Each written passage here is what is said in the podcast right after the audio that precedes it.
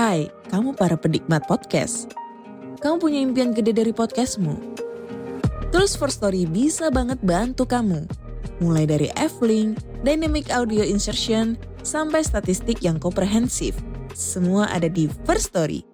Gak ketinggalan kamu bisa monetisasi podcastmu lewat iklan dari First Story Ads yang bisa kasih kamu penghasilan dari setiap place podcastmu. Yuk gabung sekarang dengan klik di firststory.me. Sekali lagi, klik di firststory.me. Mari kita bawa mimpi podcastingmu menjadi kenyataan.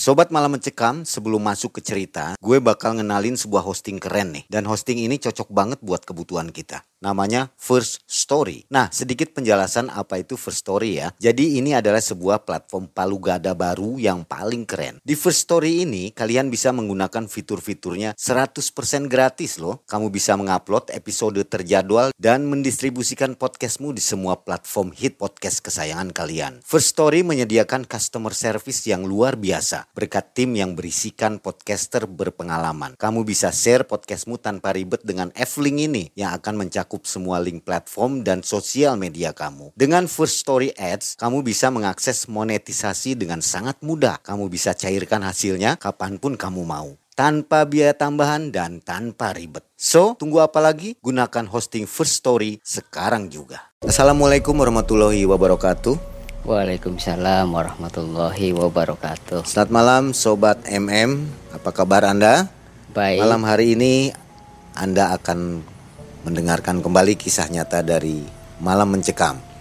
Kami sudah menghadirkan seorang narsum yang akan berkisah tentang kejadiannya di tahun 90-an di mana narsum ini mengalami kejadian yang sangat aneh dan luar biasa. Tentunya di luar nalar ya narsum kita ini dihantui oleh sosok yang selalu menakut-nakutinya. Bagaimana kisahnya nanti Anda dengarkan sendiri ya.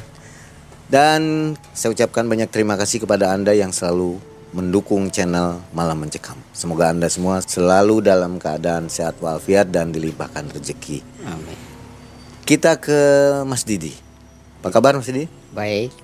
Mas Didi usianya berapa? Sekitar 43. Sekitar 43 ya. Berarti bisa 45 nih. Karena sekitar. Nih. Profesi apa Mas Didi? Profesi saya itu sebagai pedagang keliling Pedagang dari keliling. sekolah ke sekolah eh, jualan martabak dan roti bakar. Sudah lama?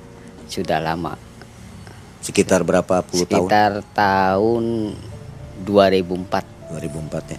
Nah, kisah yang mau diceritakan ini waktu sudah menikah atau belum? Sebelum Masih bujangan berarti masih ya? bujangan. Itu tahun 90-an. 90-an. Nah, sobat, sebelum kita mendengarkan kisah Mas Didi, seperti biasa kita kasih kaos dulu. Mas Didi. Nah, ini buat Mas Didi ya. Ya, terima kasih. Coba dilihat. Suka Iya. nggak? Insya Allah suka. Nanti dipakai untuk jalan-jalan Mas Didi ya. Ya, terima kasih. Biar orang-orang tambah tahu channel Malam Iya, Mencekam. channel malam mencekam. Jangan dipakai tidur Mas Didi. Oh iya. Oke? Buat Jalan-jalan. Buat jalan-jalan. Terima kasih. Kita dengarkan kisah dari Mas Didi. Silakan.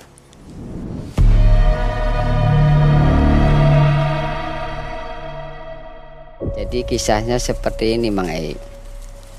Jadi pada tahun 1990-an ketika itu ada seorang tetangga saya itu dulunya itu punya ilmu apa gitu ya. Beliau itu meninggal dunia. Nah, karena saya itu posisinya itu sebagai tetangga, akhirnya saya itu malam itu melekan Begadang. Begadang lah nungguin si mayit gitu ya sama tetangga-tetangga ngobrol-ngobrol. Ngobrolnya kan macam-macam gitu ya.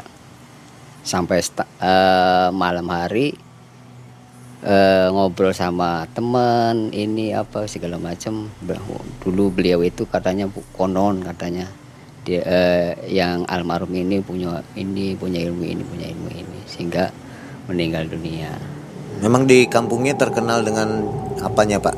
Eh, beliau sih cuma kuli cuma ya laris lah gitu lah. Eh, mempunyai apa gitu ya. Cuma eh, nggak punya eh, istri dan anak gitu. Sampai meninggalnya itu kan nggak ada yang pada datang. Akhirnya kan tetangga-tetangga yang datang. Sebatang kara. sebatang kara. Akhirnya pada malam itu saya menginap di rumah kontrakannya setelah sampai ngobrol-ngobrol sama tetangga sama ini nggak kerasa sampai tengah malam saya itu ketiduran. Jam 3 itu saya terdengar ada dari masuk musola itu terdengar bangun bangun asolah asolah tuh khairum minan naum. Nah, setelah itu saya terbangun dari tidur saya. Nah pas tidur saya itu pas di sebelahnya si mayit gitu. Bergegaslah saya itu pulang ke rumah untuk siap-siap melaksanakan sholat subuh di musola. Akhirnya saya pulang dari situ setelah pulang saya mau ngetok pintu eh, nggak taunya di sebelah rumah saya dari rumah ke satu dua tiga empat lah empat rumah itu ada pohon yang besar tinggi nah di situlah saya melihat penampakan jadi penampakan itu serem sekali. Jadi orang tinggi besar matanya melotot gitu ya bertanduk kepalanya botak telinganya ini panjang. Setinggi apa Pak? setinggi melebihi tinggi pohon dari pohon mangga. Jadi pohon mangga lebih tinggi lagi. Itu gitu ke saya itu Jelas ya. jelas sekali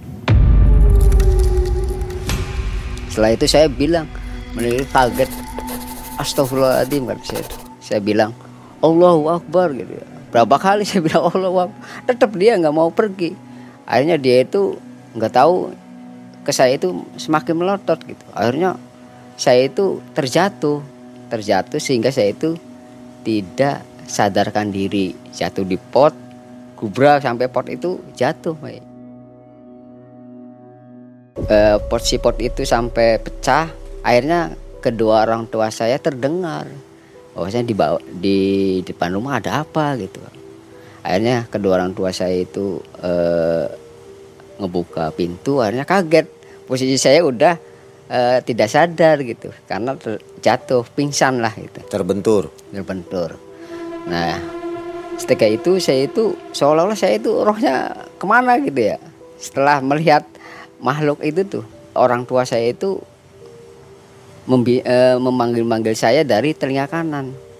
Jadi saya itu ada panggilan, perasaan saya itu ada panggilan Mem- memanggil orang tua saya itu nama saya itu. Akhirnya saya itu kayak seolah-olah roh itu balik lagi, balik lagi masuk lagi. Saya tersadar, saya trauma, langsung bergegas masuk rumah gitu ya. Ditanyain sama kedua orang tua, kenapa kamu terjatuh? ya?" Akhirnya cerita sedikit saya mengalami fenomena penampakan, menemukan penampakan di sebelah sana. Akhirnya terdengar suara adzan Allahu Akbar, Allahu Akbar. Bergegas saya itu langsung mengambil sarung, ambil air wudhu, langsung saya ke mas ke musola gitu. Setelah saya ke musola, setelah sholat subuh selesai, saya berdoa kepada Allah, ya Allah, jangan sampai saya menemukan eh, bertemu dengan makhluk yang serem gitu ya, ngeri kayak gitu, tinggi besar gitu ya. Nah, setelah itu saya trauma. Hari berhari-hari saya trauma karena takut gitu. Ketemu sama makhluk yang yang belum pernah saya temui gitu secara eh, kasat mata gitu ya. Itu pengalaman pertama saya. nggak tahu setelah saya apa namanya ketiduran di orang yang meninggal itu. Waktu itu saya ketakutan.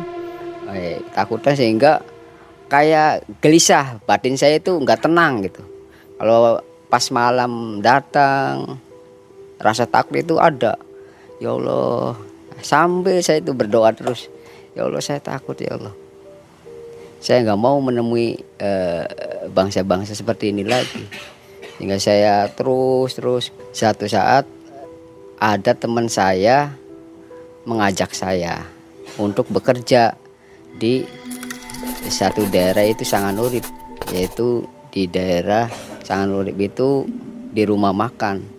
Akhirnya ada tawaran seperti itu sehingga saya mau karena kondisi saya itu udah trauma di Cirebon itu. Karena saking takutnya, saking takutnya trauma mau mau pergi aja lah gitu. Takut nemuin bangsa seperti itu lagi sih. Teman saya itu namanya Joy dan Jaka, dua orang. Ada kata si Joy, di mau enggak deh? E, pertama itu casual, suruh casual. Waktu itu mau Lebaran kan e, tamu kan makin banyak. Oke lah casual aja, hanya seminggu tawaran kerja di sana. Akhirnya saya pikir-pikir, ya udahlah mau aja lah. Yang penting saya pergi dari uh, Cirebon gitu, untuk menghindari uh, bertemunya sama makhluk astral itu. Akhirnya saya pindah dari Cirebon, ikut kerja di rumah makan di Sanganurip. Akhirnya di Sanganurip itu ya rame. Saya bekerja pagi siang malam rame sekali rumah makan. Kalau hari libur itu tamu itu dari jam 9 pagi sampai jam 9 malam tamu masih ada. Ya, rumah makan itu paling rame di daerah situ tuh. Rumah makan itu konon katanya punyanya Pak Haji. Nah, Pak Haji itu masih keturunan Pangeran Sutawijaya Gebang. Jadi masih cicitnya Sunan Gunung Jati. Akhirnya saya itu kerja udah seminggu mungkin dinilai sama anaknya mungkin kerjanya rajin, kerjanya benar, akhirnya tidak casual lagi. Jadi karyawan tetap. Udah kamu di sini aja katanya. Nggak usah jadi casual. E, karyawan tetap aja. Ya terima kasih banyak harus itu karena saya tuh emang e, trauma. Mayai pulang ke Cirebon itu trauma. Kalau libur belum apa-apa. Saya itu langsung lagi balik lagi ke Sanganurip karena trauma. Traumanya yaitu melihat makhluk yang tinggi besar seperti itu. Akhirnya eh, lama sebulan dua bulan akhirnya saya itu terus saja. Satu ketika Pak Haji yang punya rumah makan eh, setiap malam Jumat sama malam Selasa itu beliau selalu eh, ke majelis cikir gitu jadi eh, rutinitas lah. Sehingga hati saya itu ada rasa ingin ikut gitu. Hanya saya berani tidak berani memberanikan diri untuk ngomong ke Pak Haji saya karena batin saya belum tenang gitu. Masih rasa, ada rasa takut gitu. Kalau pulang Cirebon belum malam saya udah pulang lagi karena trauma gitu. Trauma itu sosoknya setiap hari menghantui atau gimana pak? Ya karena kan waktu itu ketika melihat kan masih terbayang gitu terbayang terus si sosok itu tuh ya nampak lah kayak saya sama Mai melihat gitu. Jadi ingat terus gitu. Jadi takutnya seperti itu. Ngomong ke Pak Haji, Pak Haji saya ikutlah dikira dari saya bawa tasbih saya. Pak Haji tersenyum aja. Karena untuk kebaikan ya boleh aja kan gitu. Akhirnya Pak Haji membolehkan e, masuk mobil katanya. Dibawalah ke, ke Pak Haji ke majelis.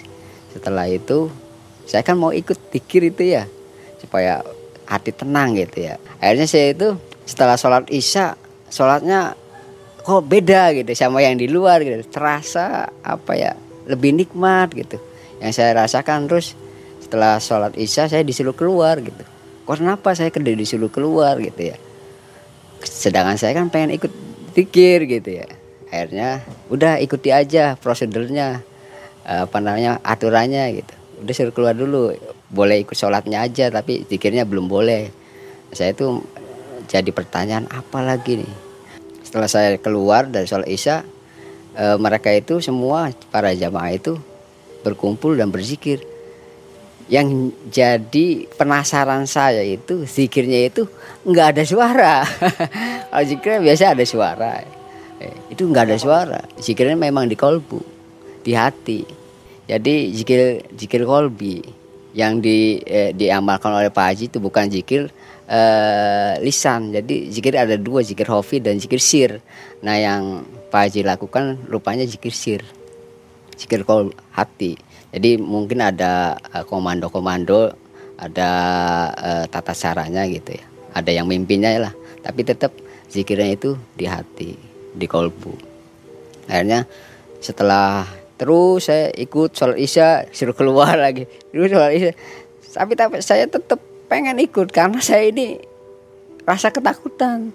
Pengen mempunyai batin yang tenang rasa takut itu hilang gitu ya. Minggu lebih minggu lagi akhirnya ada kabar berita.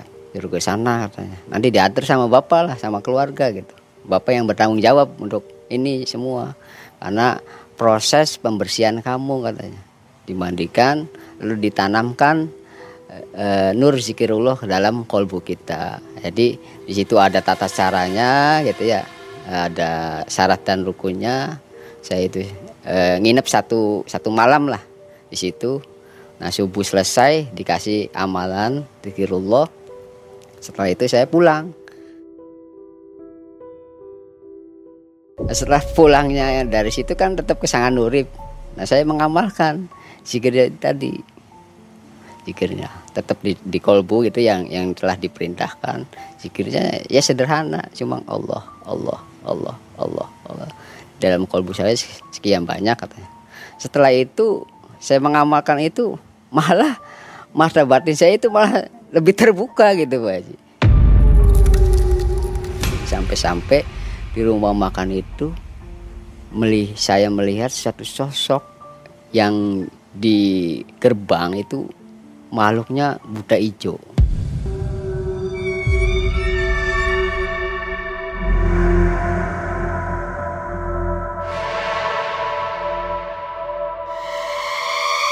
Nah pas kita punya amalan itu malah saya nggak takut karena saya punya Allah gitu.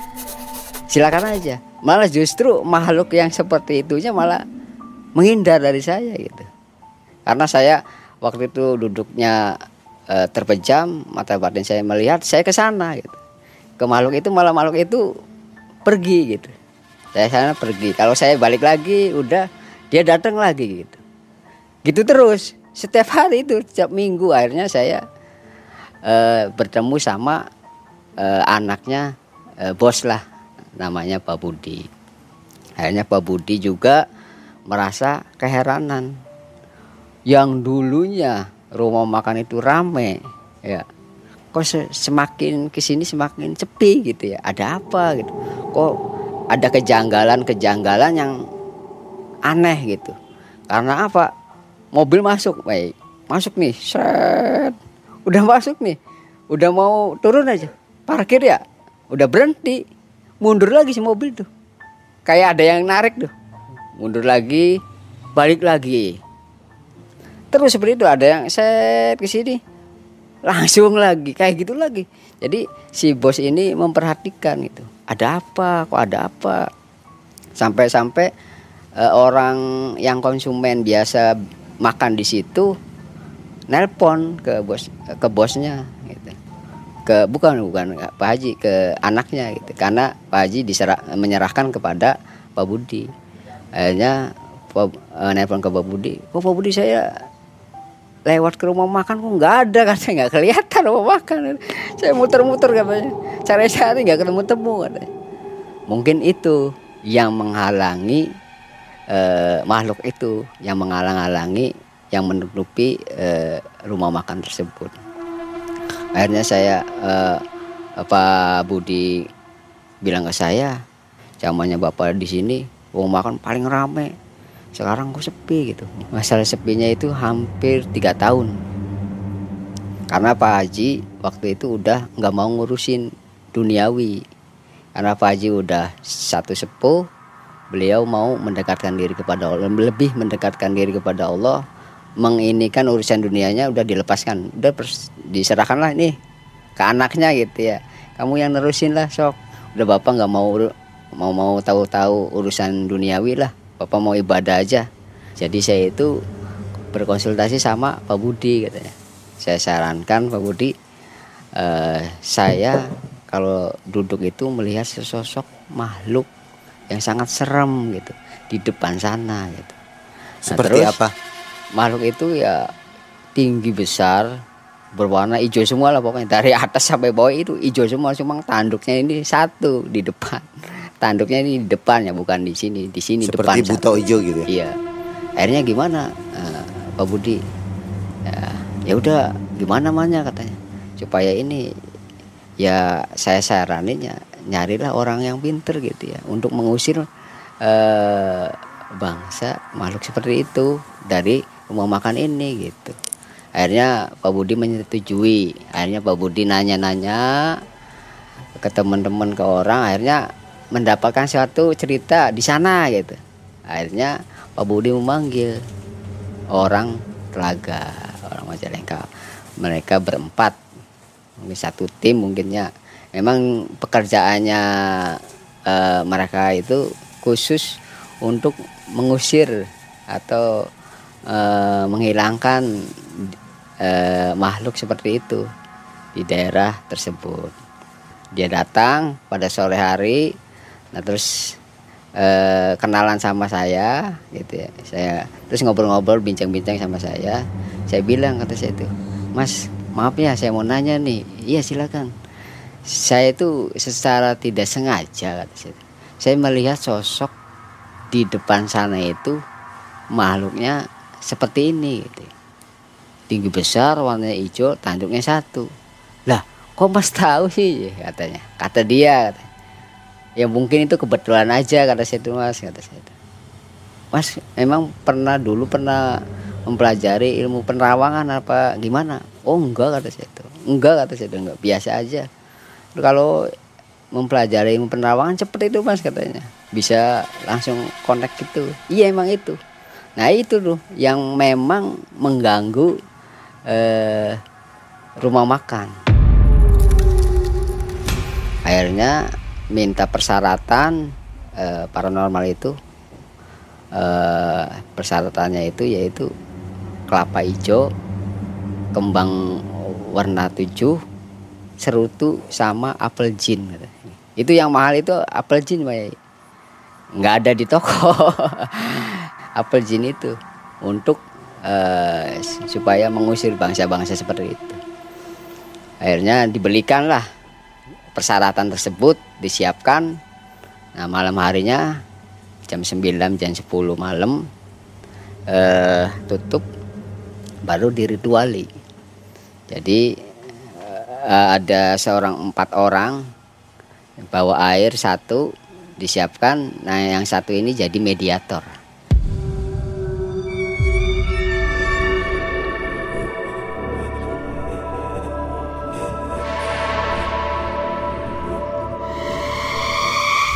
jadi makhluk itu nanti dipanggil dimasukkan ke seseorang. Sehingga kok temannya itu ngoceh. Ya, ngocehnya enggak ini ditanya sama temannya lagi. Kamu disuruh siapa? Saya ya disuruh orang suruh apa kamu ke sini? Ya suruh apa namanya supaya rumah makan ini enggak enggak ramai katanya. Supaya sepi katanya. Eh, ditanya lagi. Siapa yang menyuruh? katanya. Saya nggak mau katanya. Nggak mau mengasih tahu eh, siapa yang menyuruh. Tapi saya mau pergi dari sini kalau eh, ada persyaratannya. Silakan persyaratannya apa aja sehingga persyaratannya sudah disampaikan ini ini ini ini, ini yang sudah saya tadi sebutkan. Ya udah kamu kalau nggak pergi kamu hancur katanya saya akan pergi dari sini tapi saya nggak mau ngasih tahu siapa yang nyuruhnya. Setelah itu sudah selesai udah tahu bahwasannya memang si rumah makan itu ada yang tidak suka. Sehingga ada yang mengirim makhluk seperti itu untuk menghalang-halangi rumah makannya. Supaya sepi? Supaya sepi. Akhirnya udah dikerjain udah disetujuin persyaratannya kamu harus pergi dari sini udahlah selesai cerita dilepasin lagi. Akhirnya si mediator langsung diminumin air putih sadar akhirnya diceritakan sama bosnya itu Pak Budi itu. Pak Budi ini harus ini ini ini gitu. Akhirnya dipers- disiapin paginya itu sesajen. Sesajen. Ini ditaruh sini ini taruh sini nanti ini yang dibuang ke ke, ke sungai katanya. Oh ya udah. Setelah selesai ritual akhirnya besok besoknya saya duduk itu memang udah nggak ada udah nggak ada. Ya si makhluk itu yang di depan biasa nongkrong di situ ini udah hilang lah istilahnya udah memang memang udah pergi gitu. Berapa lama kemudian ya satu minggu lah satu minggu dua minggu baru eh, eh, rumah makan itu kunjung rame lagi. Kunjung rame lagi pengunjung pada datang lagi. Nah, setelah itu saya sudah mendapatkan dari Pak Haji ya gitu ya. Jadi saya yang dulunya yang dulunya merasa ketakutan sama yang namanya makhluk seperti itu sekarang sudah nggak merasa takut. Malah kita yang maju gitu ya. Karena kita punya Allah. Di daerah situ rumah makannya ada yang lain atau ada. dekat atau jauh? ada. Jadi di sebelahnya itu hotel sebelahnya lagi eh, pemandian air. Nah sebelahnya lagi hotel lagi. Nah sebelahnya kalau sebelah sini itu rumah makan semua jejer. Yang paling rame itu tadi. Yang paling rame yang punya Pak Haji. Sama menunya ya, mirip. sama macam-macam lah karena rumah makan. Pada waktu sepi, restoran atau rumah makan yang saingannya ini jadi rame nggak pada waktu ini jadi kecil? ya kembali lagi. Jadi kembali lagi seperti semula. Nah setelah itu saya sudah mendapatkan eh, wejangan-wejangan atau amalan yang menghademkan hati eh, menentangkan batin. Akhirnya saya sudah tidak takut lagi tidak trauma lagi melihat makhluk-makhluk yang seperti itu. Nggak merasa trauma seperti dulu. Nah sekarang Mas Didi masih bisa melihat sosok-sosok gaib nggak sampai hari ini? Masih, masih. Kalau kondisinya itu eh, saya lagi duduk secara mata batin gitu. Basiro saya itu terbuka, itu kelihatan. Di sini ada ini, di sini ada itu, di sini ada itu. Ya tapi udah nggak takut gitu. Artinya bisa on off ya, bisa Iya, aktif, bisa iya. enggak, tergantung keinginan ya. Iya. Jadi nggak selalu bisa melihat. Enggak. Ya kalau waktu dulu eh waktu pernah malam Jumat kemarin itu kita kan kumpulan biasa. Kalau malam Jumat kan kumpulan gitu kan. Orang ini enggak bawa orang aja biasanya. Dia bawa bawaan gitu. Ya hodamnya lah gitu. Kelihatan gitu. Tapi dia nggak bisa masuk gitu. Emang dia nunggu di luar gitu. Tapi sama saya kelihatan. Oh dia ada di sana. Dia ada di sana gitu. Itu kalau lagi fokus ya. Iya lagi fokus. Sobat MM, kalau Anda mengalami ketakutan seperti Mas Didi ini, tidak ada salahnya untuk mencoba amalan Ya, yang Mas kita, Didi kasih tahu tadi ya. Ya, zikir itu pun kita harus ada gurunya. Nah, gurunya ini yang bertanggung jawab juga. Jadi nggak boleh sendirian ya. Nggak boleh, nggak boleh sembarang belajar tanpa ada gurunya itu sesat, Sesat, berbahaya. berbahaya. Kita dari buku kita amalkan sesat, bisa setan yang membimbing kita. Karena harus berguru itu eh, belajar harus ada gurunya. Nah, Oke. gurunya itu harus jelas Ya. asab dan sanatnya. Udah pernah ketemu Pak Budi lagi sekarang? Sempat ketemu nggak? Eh, Ya waktu minggu-minggu kemarin itu saya dipanggil sama ulang tahun Pak Haji. Gitu. Pak Haji masih hidup ya? Masih masih. Kisah yang menarik dari Mas Didi di tahun 90-an yang mana mengalami ketakutan tapi akhirnya mendapat hikmahnya ya, Hikmahnya. bisa menolong Iya. orang ya. Iya Kita akhiri, Mang Ai ucapkan banyak terima kasih. Mas Didi terima kasih. iya sama-sama. Mang Ai dan tim Nur diri Assalamualaikum warahmatullahi wabarakatuh. Waalaikumsalam warahmatullahi wabarakatuh.